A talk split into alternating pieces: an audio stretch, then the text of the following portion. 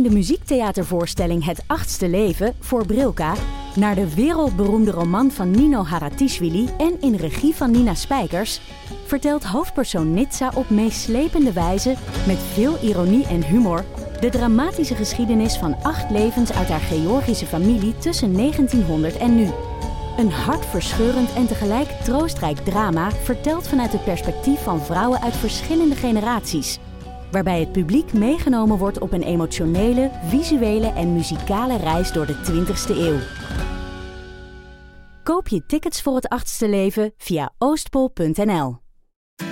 Luister jij al naar de podcast Co en Zo? Ik ben Rick Paul van Mulligen. Ik ben Nina de Lacroix. En samen met jouw man René voeden wij twee kinderen op in twee huizen. Co-ouderschap. We hebben het over alles wat je daarin tegenkomt. Maar ook over de juice tijdens onze kinderloze dagen, want die heb je ook in het co-ouderschap.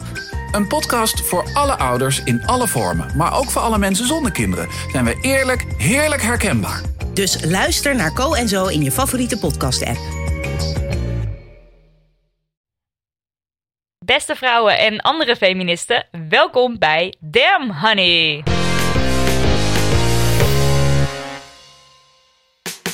De podcast over shit waar je als vrouw van deze tijd mee moet dealen. Ik kom gelijk even tussendoor. Ik kreeg namelijk een bericht van Jeroen. En Jeroen die stuurde, ja, die openingszin, de podcast waar je als vrouw van deze tijd mee moet dealen, zorgt er altijd voor dat ik het gevoel heb dat ik eigenlijk niet mag luisteren. Klopt. Of is het eigenlijk een stiekeme burn naar de miljoenen keren dat mannen een vrouwelijke kijker, luisteraar, lezer of onbewust buitenspel zetten? Als je je als vrouw vervangt door de shit waar een vrouw van deze tijd, dan hoef ik me daar ook niet voor te schuimen dat ik luister. Ja, Jeroen, het is een burn. Want jongens, jongens, jongens, we leven in een mannenwereld. Maar leuk dat je luistert, Jeroen. Meer dan welkom. Oké, maar even door. Mijn naam is Marilotte. Ik ben Nidia. Welkom bij deze vierde aflevering. Vandaag hebben we Dila Noortash in de studio, die gewoon alleen maar heel mooi is. Mensen, je moest haar eens zien. We worden bijna verblind door haar schoonheid. Ik heb een zonnebril op. We hebben haar uiteraard alleen maar uitgenodigd voor onze podcast, omdat ze zo knap is. Maar toen bleek ook nog eens dat ze andere kwaliteiten in huis heeft. Even zonder gekkigheid. In je Twitter bio heb je staan dat je gewoon alleen maar mooi bent. Maar in werkelijkheid ben je super badass, hebben we, zijn we te weten gekomen. Eh, je bent de huisfeminist van de krachtwijken van Amsterdam, want je werkt namelijk bij Positive Society. Ja. Het is een organisatie, als ik het goed uitleg, corrigeer me als het niet goed is. Een organisatie waar sociaal-maatschappelijke projecten worden uitgevoerd en voornamelijk omtrent jeugd en educatie. Ja. Yes. Eh, en je organiseert onder andere activiteiten over seksueel geweld. Eh, je hebt een meisjesclub voor jonge niet-witte meiden. En je werkt samen met stadsdelen om Turkse en Marokkaanse vrouwen sterker te maken in hun maatschappelijke positie. Zeker, ja. Bam, wat een cv is dit? I know, het is zo uitgebreid. En is er nog iets wat je verder daarop aan kan vullen? Ja, ik eh, werk voornamelijk met de kinderen. En ehm, toen ik eh, bij mijn leidinggevende aangaf van... Goh, ik ben heel feministisch... ehm, heeft hij mij eigenlijk op alle vrouwenprojecten ge- gezet. Dus dat doe ik er nu allemaal bij. Super cool. Ja. Ja. Hoe ging dat dat je, dat je dat zei? Van hé, hey, trouwens, ik ben super feministisch. Nou, het was eigenlijk bij mijn gesprek. Ik heb niet echt een sollicitatiegesprek gehad, maar meer van een, eh, een soort kennismakingsgesprek. En toen zei ik dat ik eh, heel veel bezig ben met feminisme. Eh, en ik had verteld dat ik mee mocht doen aan een panel en eh, een feministisch panel. En toen eh, is dat er eigenlijk zo ingelopen. Dus Ja. ehm, Wat alle- leuk dat er iemand daar dan meteen op springt en denkt, wat kunnen we hiermee doen? En, Ja. en we gaan aan de slag En daarmee. het is dus een teken dat je dat gewoon altijd overal moet zeggen. Ja, en Zo niet van, schamen voor het way. feit dat je feminist bent. Ja, wie weet waar het toe kan leiden. Precies. Eh, verder zouden mensen je kunnen kennen van Twitter. Ja. Ed Dila, zeg ik dat goed? Dila met twee i's en twee a's. Twee i's, twee a's. Ja. Is er nog iets anders wat je graag over jezelf, dat je denkt, dit moet de luisteraar weten? Behalve dat je heel mooi bent. Ik ben heel mooi. nou, dat valt eigenlijk wel mee. Nee, nee, nee. Ehm, nou, dat- je bent 27, ik ben heb ik net over je 27. geleerd. Ja, Ja, en je woont in Alkmaar. ik woon in Alkmaar. Nou, dat zijn Nou, dat toch zijn wel hele belangrijke dingen. feiten. Dila, straks meer over jou en je werk, maar eerst Nidia. Oh ja. Wat is het minst feministische wat je afgelopen week hebt gedaan of gedacht? Ik heb weer wat. Eh, ik geef koffietraining op mijn werk. Dus ik probeer, eh, of ik probeer niet, ik leid nieuwe barista's op bij Coffee Company. En ik had laatst een groep met alleen maar jongens. Dat gebeurt niet zo vaak. En ik merkte bij mezelf dat ik ehm, veel meer schoonmaakdingen door de vingers zag als het niet goed ging. En eh, dat ik dus ik realiseerde mezelf dat als ik meisjes heb, dat ik dus strenger bij ze ben van hé, hey, maar je hebt er wel een doekje over, maar het moet nog een keer of moet beter. En dat ik bij de jongens zoiets had van nou, ze hebben er al een doekje overheen gehaald. Uh, is al heel het wat. is al, ja, laat ook maar. Zo erg. Ja. Jij? Uh, Had jij nou wat? Ik, ik had wat. um, ik mocht uh, niet mee met het vliegtuig laatst. Tenminste, bijna niet. Het, vliegt, uh, het vliegtuig was overboekt. En, Kom, we shamen even die maatschappij. Ja, whaling. Okay, het is whaling. En ik had blijkbaar te laat ingecheckt. En toen was vlieg, de vlucht... Nee, wacht. Je had niet te laat ingecheckt. Had... Je had okay, gewoon ik... ingecheckt op tijd. En ik kwam daar op het vliegveld, daar checkte ik in. En toen zeiden ze, luister, de vlucht is overboekt. Ik weet niet of je mee We kan. hebben geen stoel voor je. Ja. ja. Mijn reactie daarop was heel hard huilen. Um, en, uh, want ik, was, ik had PMS en ik was gewoon heel zagrijnig, heel moe. Ik had me zo verheugd op mijn bed. En het kwam echt als een klap dat ik misschien niet mee kon. En niemand kon me vertellen of het tot op het laatste moment of het doorging. Uh, wat onmiddellijk duidelijk was eigenlijk, op het moment dat ik zo hard begon te huilen, veranderde de hele sfeer. En mensen gingen, wilden me helpen, troosten. Er kwam een vrouw, uh, uiteindelijk bleek dus dat ik wel mee mag. En, en die vrouw die dat kwam vertellen aan me, die kwam zo helemaal naar me toe buigen van luister, je mag toch mee. En het was gewoon een en al liefde opeens. Terwijl daarvoor had, uh, ervaarde ik dat helemaal niet. En toen dacht ik, huilen werkt. Dina. Ja, ik heb hier even over na moeten denken. En ik heb mijn vriend uh, Jorrit gevraagd uh, wat het minst... Shout-out naar Jorrit. Ja, Shor. Ed Shor. Um, en hij zei, uh, ik was dinsdag vrij en toen um, heb ik de woonkamer opgeruimd en uh, schoongemaakt. En de keuken heb ik schoongemaakt. En toen heb ik heel uitgebreid gekookt.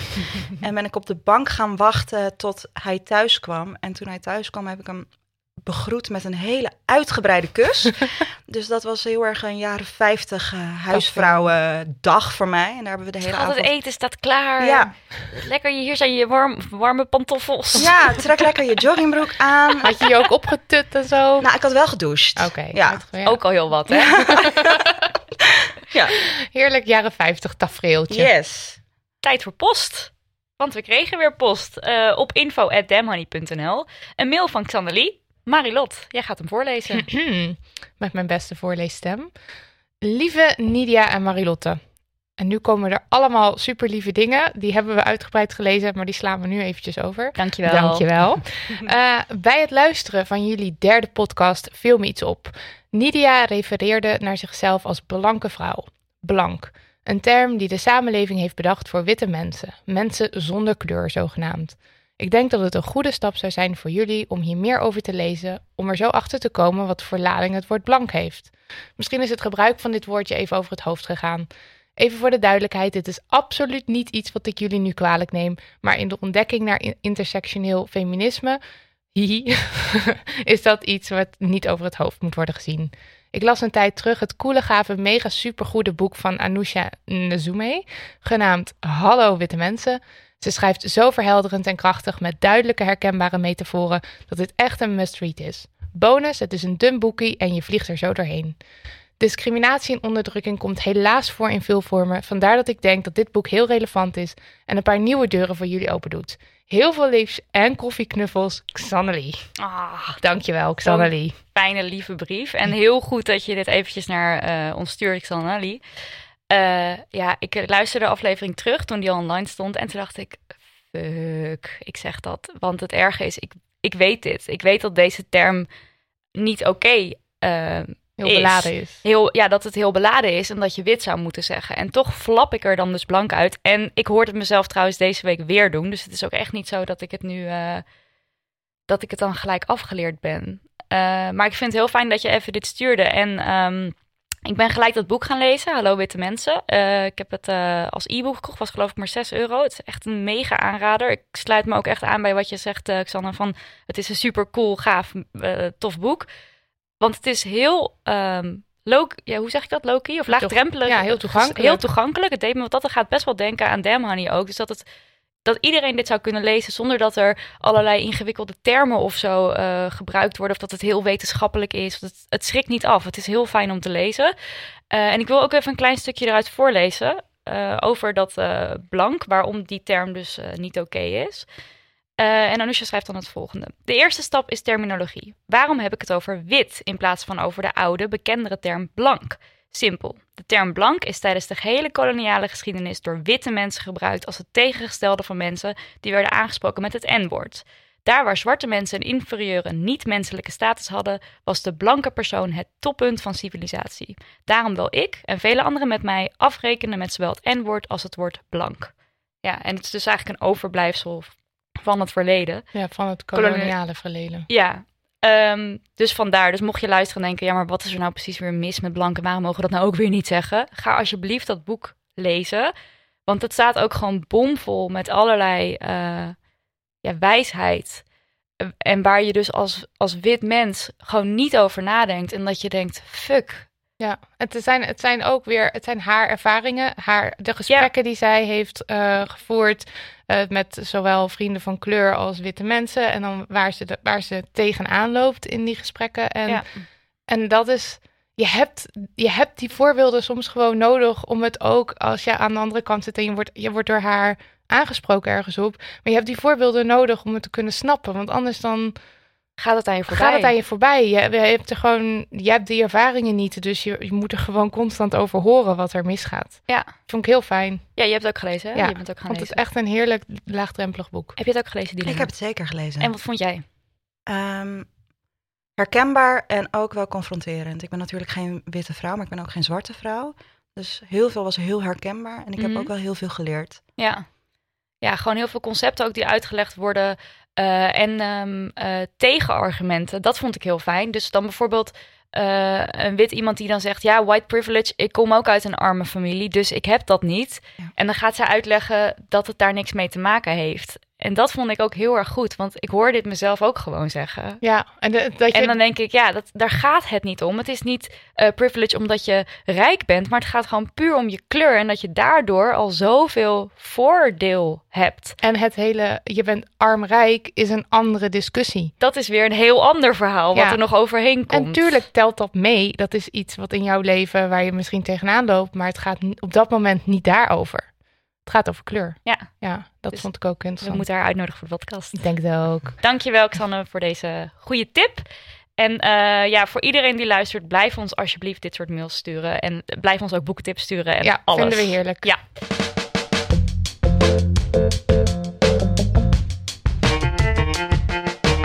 We moeten het even hebben over de maatschappelijke positie van Turkse en Marokkaanse vrouwen en dan specifiek in krachtwijken. En daarom hebben we Dila hier in de studio. Ja. Welkom Dila. Dank je. Ten eerste, wat is een krachtwijk? Ten tweede, wat doe je precies? Ja, de krachtwijken zijn een wijken in Amsterdam waar veel grootstedelijke problematiek eh, speelt. Dan kun je denken aan bijvoorbeeld armoede of eh, geweld op straat, veel vroegtijdelijk schooluitval, dat soort dingen. Mhm. Uh, en die spelen bijvoorbeeld heel veel in Amsterdam Nieuw-West of in Oost of in Zuidoost. Um, en ik werk voornamelijk in Amsterdam Nieuw-West, waar wij uh, als organisatie veel grootstedelijke uh, projecten uitvoeren omtrent jeugd en educatie. Um, het heet Studiezalen. We hebben 28 locaties waar kinderen van het voortgezet onderwijs en het primair onderwijs. Oh, sorry. bij ons. Um, kunnen komen om een veilige leercultuur uh, aan te leren. Dus wij helpen hen met hun huiswerk en um, ik heb heel veel stagiaires die dit voor mij uitvoeren en ik coördineer dit. Dus na school kunnen ze dan naar zo'n studiezaal gaan ja. en daar kunnen ze dan begeleiding krijgen? Ja, we hebben docenten en vrijwilligers die hen helpen met... Uh, nou ja, we hebben een wiskundedocent en een scheikundedocent. En... Dus het is middelbare school en, en ook basisschool? Ja, uh, okay. verschillende locaties. Het primair onderwijs is het iets meer. Uh, we hebben een vast schema. Uh, dan gaan ze lezen, daarna hun huiswerk maken, daarna een leuke activiteit, maar wel leerzaam. En bij het voortgezet onderwijs is het iets vrijblijvender. Dan komen ze bij ons binnen, um, dan gaan ze een huiswerk maken en dan gaan ze weer als ze klaar zijn. En daar krijgen ze begeleiding bij, bij ja, een huiswerk? Zeker, ja. Ja, en je kiest dus specifiek voor de term krachtwijk. Ja. En dat is dus wat we dan vroeger, of misschien nog steeds, weet ik eigenlijk niet hoe de media daar nu over schrijven, een probleemwijk zouden noemen of Ja. een achterstandswijk. Ja. Kan je uitleggen waarom jij krachtwijk verkiest? Ja, volgens mij is het een vogelaar-term. Oh ja, ja. de Ja. vogelaarbuurt had je Ja. ook. Ja. Eh, volgens mij werden die de krachtwijken genoemd. Maar ik vind krachtwijk een mooiere term dan een achterstandswijk of een probleemwijk. Omdat ze wel heel veel kunnen. En het heeft wel heel veel potentie. En ik denk dat we moeten kijken naar de krachten van een wijk en niet naar En die moeten misgaat. afschrijven als iets eh, negatiefs, maar er Ja. zit heel veel moois in. Zeker, Ja. ja. En de manier waarop je het benoemt gaat natuurlijk al niet bijdragen aan hoe je bijvoorbeeld zelfvertrouwen creëert eh, bij zo'n groep. Als Ja. je het al net hebt over probleemwijken, jongeren, whatever. Ja, dat Ja, Het is gewoon ook inderdaad heel naar als er zo naar je gerefereerd wordt. Zeker. Ja. Een paar weken geleden stond ik op een eh, stagebeurs op de Hogeschool van Amsterdam. En toen eh, was er een student met ons in gesprek over, nou, wat doen jullie dan? En vervolgens liep ze weg en toen zei ze tegen haar vriendin, ja, ik ga echt niet in Amsterdam Nieuw-West werken. Ehm, en ik vind dat heel jammer, want Amsterdam Nieuw-West is super mooi. Echt een hele bijzondere wijk. Maar dan denkt zij van, nou, dat is een hopeloze zaak. Ja. Is dat eh, wat je... Nou, ik denk dat ze gewoon een beetje bang was. Ja. Eh, je hoort natuurlijk wel eens dat er schietpartijen en zo zijn. Eh, en dat gebeurt natuurlijk ook. We moeten daar niet eh, eh, omheen. Eh, Maar ja, in het centrum gebeurt dat ook. Tuurlijk, ja. Granaten aan de deur. Ja. Zeker, ja. Eh, een paar dagen geleden liep ik eh, naar mijn locatie vanaf de tram. En toen waren er twee van die hele grote Marokkaanse jongens eh, van een jaar of twintig. En die liepen langs een jongetje van een jaar of vier die buiten aan het spelen was. En een van die jongens die liep terug en die zei, hey, hey, hey, wacht even, wacht even. En toen eh, ging hij voor dat eh, jongetje bukken om zijn veters te strikken. Oh, En, toen, en toen zei hij, ja, straks val je man als je aan het spelen bent. Oké, broer, ga je weer verder. cute. Het Ja. was super zoet. Ja. En dat gebeurt natuurlijk overal. Het is natuurlijk onzin om te denken dat het alleen maar doen en verderf is. Ja. ja. En ik vond het zo'n mooi moment om te zien. En eh, helemaal emotioneel een beetje Ja. ervan. Oh, dat is verbondenheid. echt prachtig. Ja, dat vond ik heel leuk. Kun je ons iets vertellen over de maatschappelijke positie van vrouwen eh, met Turkse Marokkaanse achtergrond? Zeker, ja. ehm, Marokkaanse en Turkse moeders in Amsterdam Nieuw-West... die zijn eigenlijk heel lang een beetje nou ja, genegeerd. Ze waren heel erg onzichtbaar. Mhm. Eh, de Turkse-Marokkaanse eh, cultuur is best wel een schaamtecultuur. En daar hang je de vuile was niet buiten.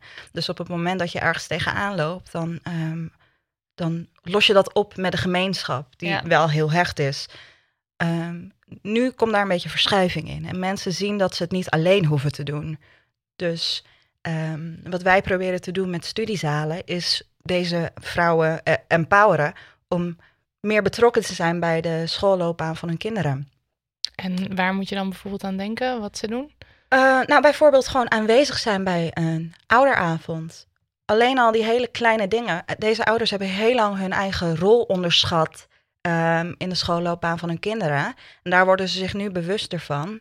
Ehm, ik ben een paar weken geleden eh, aanwezig geweest bij een ehm, meeting van het stadsdeel, waar eh, allemaal Turkse Marokkaanse ouders zijn uitgenodigd om te praten over social media eh, van Oh. hun eh, jonge Ja. dochters. Oh, super leuk, super interessant, super leerzaam. Waar gewoon, nou ja, ik denk dat er 60 vrouwen zaten die in gesprek gingen over ehm, wat doe je nou eigenlijk als je dochter eh, veel social media gebruikt? Hoe kun je Ja, daar. ja, hoe kun je eh, daar zicht op houden? Precies, en hoe, hoe zorg je ervoor dat, dat het niet uit de hand loopt en dat er geen. En als het dan bijvoorbeeld als het uit de hand loopt, dan zouden ze misschien eerder ervoor gekozen hebben van we lossen het binnen de familie op Ja. en we houden het heel erg voor onszelf en Ja. veel schaamte. Mhm. En nu durven ze het al iets meer te bespreken dan. ja, Maar Ja. ook voordat er überhaupt dingen gebeuren die Ja. misschien eh, vervelend zijn en waar je je zou voor zou kunnen schamen als gezin en wat je dus zelf op zou lossen. Ja. Dat wordt gewoon vooraf wordt Ja. het al bespreekbaar gemaakt om dingen te voorkomen. Wat heel erg tof was aan die meeting, was dat er, eh, het werd eh, georganiseerd door een Marokkaanse vrouw die heel bekend is in Amsterdam Nieuw-West. Eh, en ouders kennen haar en vertrouwen haar. Dus op het moment dat zij zegt van je moet met je kind over seksualiteit praten, Nemen ze dat aan? dan nemen ze dat aan. En dat kan ik Ja. dan als eh Alkmaars meisje eh, wel aan hen vertellen. Maar mij vertrouwen ze niet, want ze kennen mij nog niet. Nee. Ehm, deze vrouw is heel erg bekend in Amsterdam Nieuw-West. En zij kan gewoon zeggen, ja, het is lastig om over seks te praten met je kind. Maar als jij niet tegen je dochter zegt dat, ze, eh, dat het een risico meebrengt wanneer je een naaktfoto naar iemand stuurt, je raakt je kind kwijt op die manier. Nee, je moet je ook bewust zijn van wat er speelt. Precies. Ja. Je hebt een meisjesclub. Ik heb een meisjesclub. Ja. Vertel erover. Nou, het is niet mijn meisjesclub, maar ik mag eh, daarbij helpen. En deze meisjesclub is ehm, eh, opgericht door een, een meisje van 21 uit de wijk. Die merkte dat, nou, dat er een schaamtecultuur was en dat ze onderling eh, een veilige ruimte nodig hadden. Waar ze nou, ja, echt alles bespreekbaar kunnen maken met elkaar. Eh, seksualiteit, maar ook studiekeuze. Alles waar ze tegenaan lopen. En het zijn meiden van 16 tot 21 die elke vrijdag bij ons op kantoor, ze hebben een eigen sleutel van ons kantoor, eh, die, die komen daar en dan praten ze met elkaar. En daar ben jij wel bij of niet bij? Soms wel, soms niet. Oké. Ja. Ehm, en nu zijn we bezig met een, eh, een, een project met Sex Matters. Eh, dat is een organisatie die het heeft over eh, seksualiteit. Eh, ze zijn uitgenodigd met meiden om naar Melk en Dadels te gaan, theatervoorstelling. Hebben jullie daarvan gehoord? Ik heb wel volgens mij posters zien hangen. Ja, dat is echt superleuk. Het gaat over twee generatie Marokkaanse vrouwen die met elkaar in gesprek gaan over alles. Gewoon vrouwen. Ja. Gewoon vrouwendingen, ja. Ja. eh, huwelijkskeuze, eh, eh, vrije partnerkeuze, seksualiteit, ehm, alles. Alles wat eh, relevant dus. is. Ja, heel open. Dus wij gaan met eh, mijn meiden naar de theatervoorstelling. En vervolgens Heerlijk. krijgen ze daar een, ehm, een rondleiding in ehm meer en vaart. Ehm, daar hangt nu een expo. Theater de Meervaart of is het daar ook? Oh, het is vrouw en vaart, sorry. Oh, oké. Ja, Vrouw en Vaart, eh, dat is eh, daar in de buurt. Ehm, waar straks een expo hangt met foto's van vrouwen die seksueel of relationeel geweld hebben meegemaakt. Mm. En dan kun je met oordopjes hun verhaal horen. Oh, Oh, Ja, oké. Echt heel interessant. Eh, het is vanaf 26 november is het volgens mij geopend. En Daar... cultuurtip. ja, Ja, in de show notes zetten. Joe. Ja, daar gaan we heen en daar, vervolgens gaan we naar Melk en Dadels. En daarna krijgen ze nog een workshop die, eh, die via mij wordt georganiseerd. Dat is echt superleuk. Dat soort dingen mag ik met deze meiden doen. En ben jij dan ook een beetje een rolmodel? Zien ze jou zo? Eh, nou, ik hoop dat ik dat voor deze meiden kan zijn. Ik ben eh, best wel een eh, sterke persoonlijkheid, denk ik. Ja, want ze noemen jou de huisfeminist, toch? Ja, mijn eh, collega's noemen mij de huisfeminist. Ja. Ja, ik ben eh, de huisfeminist van Positive Society. Ja, en, En- eh, En heb je het dan ook over specifieke feministische thema's? zeker eh, genderrollen. Eh, mag een man tegen jou zeggen dat je s'avonds niet eh, naar je vriendin mag, bijvoorbeeld? Daar hebben we dan een gesprek Echt een over. gesprek over. Ja. Ja, dat vroeg ik me af. Want heb je een thema waar je dan over gaat praten? Of is het meer een beetje wat er uit de groep komt en je kijkt wat er gebeurt? Ja, wat er uit de groep komt. Oké, ja, ja. Dus vragen die beantwoord kunnen worden. Ja. ja. zeker. En kunnen de meisjes zich eh, gewoon aansluiten? Of, of hoe... eh, Het is wel een beetje via via. Dus de meiden vinden het prettig als er iemand, eh, als iemand zich aansluit, dat het iemand is die ze al kennen. Logisch, Ja, ja. oké. Een veilige omgeving. Precies. Eh, m- maar ze staan overal open voor. Ja, en dit soort initiatieven zouden natuurlijk in heel Nederland eh, Ja. meer kunnen, moeten komen. Ja, zeker. En merk je al dat er verschil is tussen, eh, zeg maar, dat, dat het verschil maakt, dat er, dat er effect is? En op welke Ehm, manier? Ja, ik denk dat deze meiden gewoon heel erg vooruitstrevend zijn. Ze studeren allemaal en ze zijn heel ambitieus. Ehm, en ik denk dat ze zich een beetje los proberen te wurmen eh, uit hun eh, hele hechte gemeenschap. Ehm, en ik denk dat ze daar nog een beetje zoekende in zijn. Ja, want aan de ene kant wil je natuurlijk ook onderdeel zijn van de gemeenschap. Tuurlijk, Het en is dat niet is dat je hele- eruit wil stappen. Nee, maar nu studeren ze en nu komen ze in eh, aanmerking met mensen die anders denken. Dus ik Ja. denk dat dat hun eigen eh, ideeën ook verandert. En hoe je dan daar balans in vindt tussen wel ook nog steeds je roots erkennen, Ja. maar ook een weg vinden in een wereld die heel anders is. Zeker. Ja. Ja. En is er dan ook al eh, verschil tussen de jongere generatie, dus een beetje ja, de, de generatie die je eigenlijk net noemt, dus van 16, 21 en de wat oudere generaties? Zeker. Ja. Daar is ook echt een verschil in. Ja, dat denk ik wel. Ja, eh, dit zijn allemaal meiden die echt iets willen doen. Ze willen geen huismoeder worden. Ze willen studeren en ze willen de wereld zien. En ze willen uiteindelijk wel settelen, maar nog niet als ze twintig zijn. Nee, eerst even alles ontdekken Precies. en eh, je leven leven. Ja, heel inspirerend vind ja ik dat. leuk.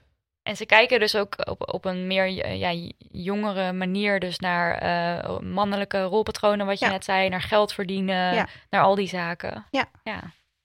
Nice. Yes. Goed Lovely. bezig. Ja, het zijn toffe meiden. Is er verder nog een project waarvan je denkt, oh, dat moet ik echt even ook nog onder de aandacht brengen? Eh, de Voorleesexpress. Oh ja, Ja. daar hadden we het net al even van tevoren over. Ja, ja. ik werk daar zelf niet mee, eh, mee samen, maar dat is wel een hele interessant om even te benoemen.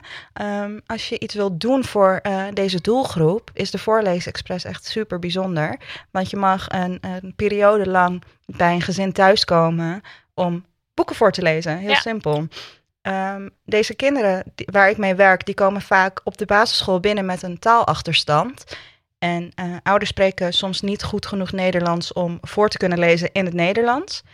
Ehm, dus als we daar een, eh, positieve bijdrage aan kunnen leveren op die manier, om toch eh, die taalachterstand een klein beetje in te kunnen halen. Ja, ik heb Super, dit zelf ook gedaan. en het was echt superleuk. En waar je dus ook mee helpt, is bijvoorbeeld de weg naar de bibliotheek eh, vinden. Niet, niet letterlijk de weg vinden, maar eh, ja, hoe werkt dat dan bij zo'n bibliotheek? En eh, hoe vraag je een abonnementje aan? Het is voor kinderen vaak gratis, maar ja, dat moet je maar net weten als ouder. Eh, en eh, hoe werkt dat dan met hoe lang mag je die boeken houden? En al die dingen. En het is echt een mega aanrader. Het kost je een uurtje in de week. En eh, het is echt wel, ik zou zeggen, verrijking van je, van je leven. Ja. Dus doe dat Eh, mensen. Doe dat zeker. En ik begreep ook dat je vrijwilliger kan worden bij Positive eh, Society. Ik wil de hele tijd Positive Association zeggen. Ik weet niet waarom. Positive Society. Positive Society, ja. Eh, wij hebben 28 locaties en we werken heel veel met stagiaires. Maar we zijn ook absoluut op zoek naar vrijwilligers. Eh, dus zeker als je goed bent in wiskunde of in Nederlands, dan eh, kunnen we je heel goed gebruiken. Voor de huiswerkbegeleiding. Voor de huiswerkbegeleiding, Maar ja. moet je dan heel goed zijn? Of eh, kan ik een ook beetje al... Ik ben niet goed in wiskunde, maar stel Nederlands, zou ik daar kunnen helpen, denk je? Zeker, ja. Meld je aan en eh, je komt op gesprek en dan kijken we of het een match is. En dan is het hoeveel tijd in de week ongeveer wat je daar... Drie uur. Oh ja, dat is ook echt Oh heel ja, dat is heel doable. Gewoon een Ja, avondje. ja. Wat wel misschien heel leuk is om te vertellen nog. Ik heb een vrijwilliger van 5 VWO. Oh, van Oh 15. ja, daar willen we het nog even over hebben. Ja, Doenja. Zij is echt fantastisch. Ze, ze zit op een middelbare school hier in Amsterdam. Ze zit op 5 VWO. En zij wilde wat doen voor de wijk. Eh, ze wilde iets terugdoen, een positieve bijdrage leveren. Dus nu loopt zij elke donderdag twee uurtjes met mij mee om huiswerkbegeleiding te geven aan eh, kinderen uit groep 6, 7 en 8. En dan komt ze bij mij binnen, gaat ze eerst zelf keihard aan haar huiswerk. Ja, want dat moet ze ook gewoon doen. Ja. Ja.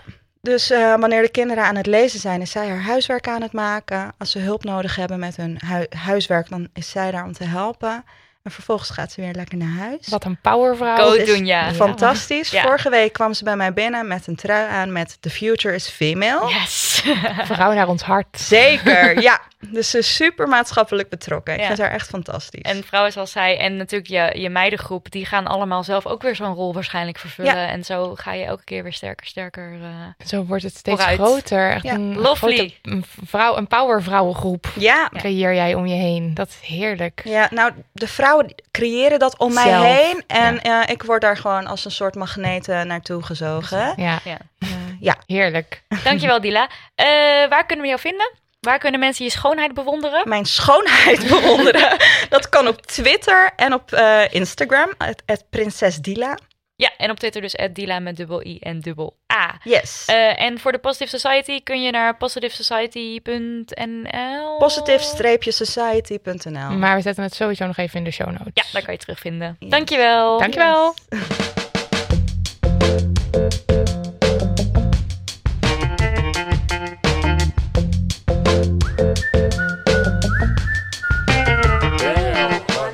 Het is weer tijd voor de Damn Honey No en Yes rubriek, waarin we op zoek gaan naar iets waar we heel boos van werden of worden en iets waar we heel enthousiast over zijn. Marilot, jij ging op zoek naar een Damn Honey No. Ja, eh, kan kort over zijn. Jensen is terug op tv. Ik vind het allemaal leuke meisjes voor, maar jullie kletsen echt. Kijk, we zitten hier. Jullie kletsen echt. Kijk, ik heb het publiek hier even bekeken. Er zitten allemaal mannen die gewoon kaal zijn, loeihard werken elke dag, die van biefstuk houden, die van voetbal. Luister, nou mag ik even. Ja, Weet maar. je wat er aan de hand is? Oh, en nog wijs ook erbij, Ja, hoor. nou ja, Maar- maar even stil. Weet je wat het is? En eh, eh, ik vind dat je veel te mild bent. Weet je wat er aan de Er hangt een deken van feminisering over de man heen. Dat is waar. En wat je ook, er is gewoon een lobby gaande. En je ziet er dan met Thijs van Nieuwke. Die ziet, die denkt, what the fuck is Maar dit? die durven Waar niets over nee, te ze zeggen. durven niks meer te Maar- zeggen. maar en maar- ik sta op. En het is tijd dat mannen gewoon weer mannen zijn. En dat, dat, eh, er zijn ook gewoon mannen die loeihard werken, die een gezin je hebben. Nee, maar ik, sta, wat- ik kom uit Amsterdam. En er, er zijn dus bij mij thuis. harde werken is het nieuwe ding opeens. Wat betekent dat, hard werken? Mag Stel dat een beetje Nee, nee, maar vrouwen werken eh, statistisch gezien niet zo hard. Die Nee, werken maar vier wat- dagen en die willen allemaal vier. En dan willen ze. Nee, dat is wel. Vrouwen werken niet zo hard. Nee, die werken gewoon. eh, In Nederland is het zo dat de gemiddelde vrouw eh, liefst vier dagen werkt. en voor de rest dan een beetje gaat lopen kletsen. Dus dat is wat er aan de hand is. Ja! Ben woest. Ik kan dit niet aanhoren. Ik heb het heel bewust ontweken ook. En nu moest ik het horen. En ik ben echt... Oh, ik word zo boos van deze man en alles wat hij zegt. Maar daarom heb ik dus nu even het harde werk voor je gedaan. Je hoort hier opiniemaker Mark Koster. Op YouTube heeft RTL het over Frank Koster. Kon heel die man niet vinden. Ehm, maar goed, het is dus Mark Koster. En hij heeft het over de feminisering van de man. De man mag geen man meer zijn. En Jensen geeft aan dit soort mensen een podium en praat ze naar de mond. En dat valt dus best wel op. Oh ja, de missie van Jensen is het rechtse geluid laten horen. Want in de media hoor je nu alleen maar linkse geluiden. En het geluid dat eigenlijk de overhand zou moeten hebben, volgens hem, het rechtse geluid, dat wordt nu helemaal onderbelicht. En hij is zo uniek en hij nodigt politiek incorrecte gasten uit en gaat een beetje met ze zitten lachen. Uh, want Jensen gaat dit allemaal eens even veranderen. Hij vindt het bizar dat het rechtse geluid niet te horen is. En daarom is hij deze politieke, hij noemt het een politieke talkshow begonnen.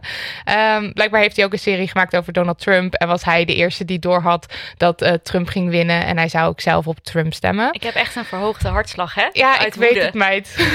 Zo Sorry dat ik het hierover heb. Uh, voor zover ik nu gezien heb, want ik heb dus wel een beetje gekeken, ook al wilde ik niet. Er wordt geen enkele kritische vraag gesteld. Als er gasten zijn met wie Jens het eens is, dan maakt hij daar alleen maar grappige conversatie uh, mee. Maar hij gaat niet het echte gesprek aan. Uh, Piet Hoekstra werd, werd uitgenodigd. Dat is zo'n Amerikaanse Oh, ja. ambassadeur in Nederland. En die verzon dat er gevaarlijke no-go no zones zijn. Waar Dat heeft hij echt verzonnen. ja, waar moslims de dienst uitmaken in Nederland. Hè? En hij is tegen het homohuwelijk, tegen abortus voor de doodstraf. Maar daar wordt dan geen enkele vraag over gesteld. Ze hebben het dan alleen maar over bitterballen en heel hard lachen. En Want vlees, want ja. mannelijk. En eh, Jens is dan ook klimaatskepticus. Nou, het is in ieder geval heel bizar. Ehm, hij heeft, en dat vond ik nogal wel het opvallendste, hij heeft vernietigde, vernietigende recensies gekregen natuurlijk. In Volkskrant, NRC en Parool. En op het eind zegt hij daar dan over van het enige wat me dat vertelt is dat ik ontzettend goed bezig ben. ik ben uniek, uniek, uniek, uniek, uniek. Verder wil ik er niet te veel woorden aan vuil ma- maken, maar dit was voor mij echt wel even een damn honey no. Ugh. Nidia, please, verblijd Ja. ons met iets. Oké, ja. Ik eh, ga jullie verblijden met al die verkozen vrouwen in Amerika. Yes. Want eh, ik weet bijzonder weinig over de Amerikaanse politiek. Laat ik dat gelijk even zeggen. Maar omdat ik op Twitter zit, krijg ik toch het een en ander mee. En eh, voor het eerst in de geschiedenis zijn er meer dan 100 vrouwen verkozen to serve in the US House of Representatives. En ik ga gewoon even de lijst voorlezen met allerlei supercoole firsts. En dan ga ik, Dina die mag mij corrigeren als ik staten verkeerd uitspreek. We hebben het al geoefend op Massachusetts. Massachusetts. Oké, gaat ie. Eh Lou Leon Guerrer. Eerste vrouwelijke governor van Guam. Dat is een eilandje. Ayanna Presley, Massachusetts' first black woman elected to Congress. Jared Polis, first openly gay man to be elected governor in the US. Laat dat even door, tot je doordringen, hè? De eerste ooit. Die openlijk homo is. Ja. Dat is, nou, ik vind dat bizar, maar heel goed dat het nu eindelijk zo is. Ilhan Omar, een van de twee moslima's die voor het eerst een zetel won in het huis. En eh, ik heb even haar Twitter-profiel opgezocht. Gezocht. Daar noemt ze zichzelf Mom, Refugee, Intersectional Feminist. Yes. Zo fucking weten cool. wij inmiddels alles van. Rashida Tlaib, dat is de andere moslima die ook elected to Congress is. En zij heeft in het Twitter-profiel Mama Working for Justice, Social Worker at Heart, Palestinian American and Proud Muslima. Ook super nice. Shanice Davids, Kansas' first lesbian Native American member of Congress. Deb Haaland, de eerst, eh, de andere first Native American woman elected to Congress. Juliana Stratton, elected to be Illinois Lieutenant Governor. Ik weet dus niet wat dit betekent, maar I love it. Johanna Hayes, first black woman to be elected to Congress from Connecticut. Abby Finkenauer, first congresswoman from eh, Iowa. En zij is nog maar 29. Wauw. Veronica Escobar and Sylvia Garcia, the two uh, first Latina Congresswomen. Angie Gregg, first lesbian mother in Congress. Uh, Letitia, ook wel Tish James, uh, New York State's first black woman attorney general. Michelle Lujan Grissom, New Mexico's first Democratic Latina governor. Wow. En dan komt dan nog onze favoriet. Ze staat ook in het dankwoord van Damn Honey als inspirerende vrouw. Alexandria Ocasio-Cortez, the youngest woman ever elected to Congress, is ook 29, maar net even ietsje jonger dan Abby. En ik heb een stukje uit haar overwinningsspeech gekozen als Damn Honey. Yes! We can be confident that what we are standing up for is what is right. And we will never be ashamed for fighting for what is right. We will never be ashamed for losing in the short term or having a short term loss in order to have a lifelong gain. We will never be ashamed of that. These struggles that we are taking on are generational. These struggles that we are taking on are long. These, struggle, these struggles will not be solved in two years or four years. It will take our whole lives. But this is the fight for our lives. This is the fight of our lives. Love her. Deze meid. En ze is dus niet een of andere uh, rijke vrouw die uit een of ander milieu komt waar de politiek met de paplepel ingegoten wordt. Ze is gewoon een vrouw. ze heeft laatst op uh, social media een foto van haar uh, schoenen gedeeld. De zolen van haar schoenen. Um, dat waren van die fletjes van de H&M, dat is een tientje of zo. Die heeft ze helemaal kapot gelopen. Omdat ze... Um, tijdens haar campagne. Aan het lobbyen tijdens, was. Ja, Ja, tijdens haar campagne heeft ze die helemaal kapot gelopen. En dat was voor haar een manier om te illustreren van... joh, ik heb niet miljoenen eh, dollar. eh, Ze heeft hier laatst ook weer eh, een tweet over geplaatst dat ze dus geen geld heeft om nu gewoon hup eventjes naar Washington te verhuizen. En ik geloof bij Fox News gingen ze daar dan heel elitair dom over gaan zitten Oh. lachen. Terwijl het is juist zo teken. In Amerika is geloof ik iets van 40% is arm. Dus het is gewoon nodig dat dit soort mensen Ook, ook ja, in de, juist in de politiek zitten. hebben. Ja. Eh, en ik wilde gewoon per se al die namen even opnoemen, zodat die namen ook gehoord worden, dat mensen weten wie deze vrouwen zijn en deze manier ook die ik eh, Maar en ook even noemde. dat het zo'n lange lijst is. En dat Het een lange lijst is die maar doorgaat. En het zijn allemaal firsts. En er komen heel veel seconds en thirds. En love it. Love it. Mensen, lieve mensen, dit was het alweer aflevering 4 van Damn Honey, de podcast. Bedankt Dila dat je bij ons aanschoof vanavond en je verhaal met ons deelde. En ook natuurlijk voor je oogverblindende schoonheid. Heel veel dank aan onze producer Daniel van de Poppen. Ook over oogverblindend schoon overigens. Mag ook wel een keer gezegd. En onze jingle meneer Lucas de Geer. Jeroen, bedankt meid voor je opmerking, maar vooral ook dat je luistert. Xannelie, bedankt voor je fijne brief. Thanks for keeping us sharp. Heb jij vandaag iets gehoord waarvan je denkt, oh meisjes, dat kan niet? Kom maar door, laat van je horen via Instagram, at damnhoney het boek. Of mail naar info at damnhoney.nl, want wie love post en we lezen alles. Ja, je mag ook iets positiefs mailen. Hoeft niet alleen maar commentaar te zijn. Eh, of doe het ook gewoon niet, want whatevs. En Ben, of ken jij iemand die ons boek nog niet gelezen heeft? Op Instagram liet Anne ons weten dat we op loodjestrekken.nl staan. Want inderdaad, wat zijn we een briljant schoencadeau. Of dobbelspelcadeau. Of Sinterkerstcadeau. kerstcadeau. Cadeau. Koop het via scheldma.nl. Gratis en voor niks bij je thuis bezorgd. 5,99 bij de betere boekhandel. En eh, recensies. Laat een recensie achter. Op iTunes. Joe. Joe.